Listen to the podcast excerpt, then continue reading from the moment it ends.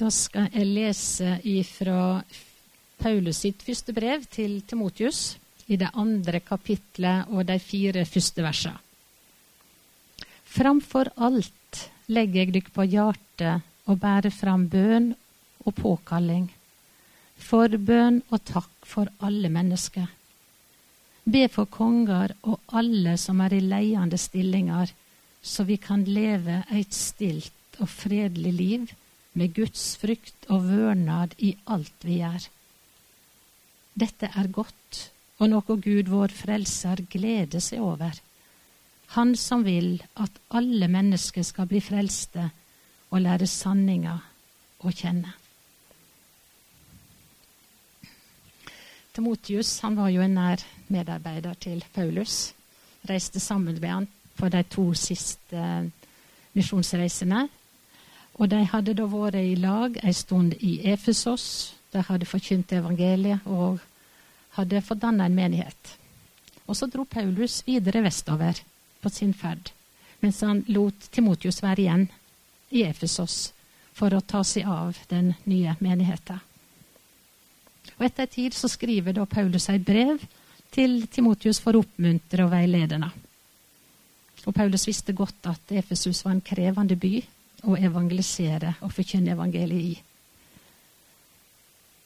Og menigheten også var utsatt for mange utfordringer. Mellom annet så var det falsk lære, vranglære, som hadde sneket seg inn. Alt dette kjente Paulus veldig godt til.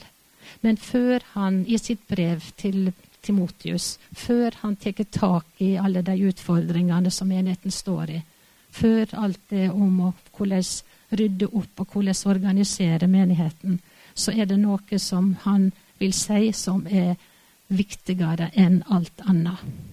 Det er noe som må prioriteres. Noe som skal ha førsteplassen.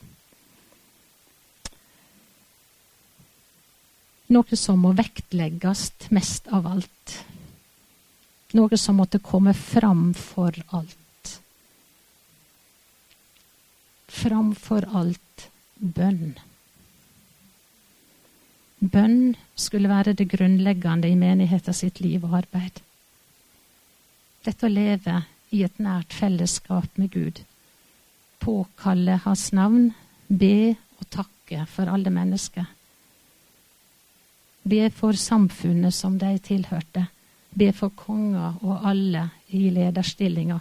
Det var også viktig. I dag så er det vi som får denne formaninga. Framfor alt bønn. Bønn først av alt. Bønn er det som vi skal vektlegge mest. Kjenner meg igjen i dette? Hva med menigheten?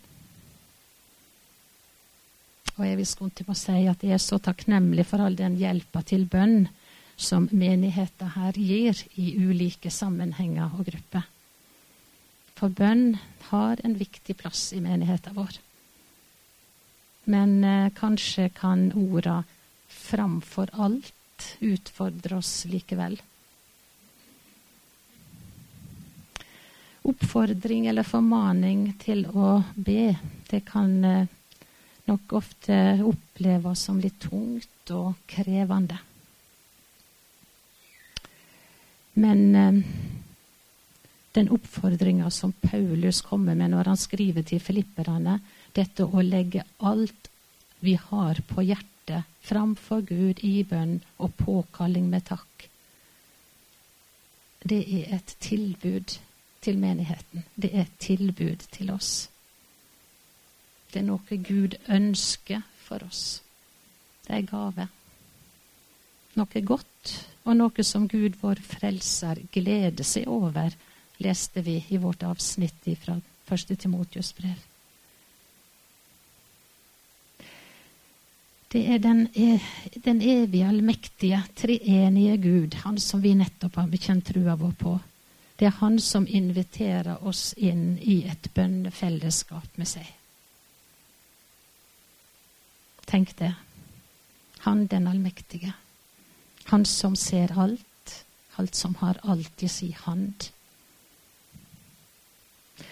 Og han ønsker at vi skal be. Han ønsker å ta imot våre bønner. Han hører bønnene våre, og han svarer på bønnene slik som han ser det best. Og ved vår bønn så får vi være med i Guds arbeid med å forkynne evangeliet, slik at flere mennesker, stadig flere mennesker, kan få ta imot evangeliet om frelsa i Jesus. For Gud, han vil at alle mennesker skal bli frelste og lære sanninga å kjenne. La oss be. Himmelske Far, takk for at vi får be til deg. Takk for at du ønsker at vi ber. Og takk for at du hører oss. Takk for at vi i dag skal få be, både for oss sjøl, for eh, menigheten vår, for samfunnet omkring oss, og ikke minst om fred. Amen.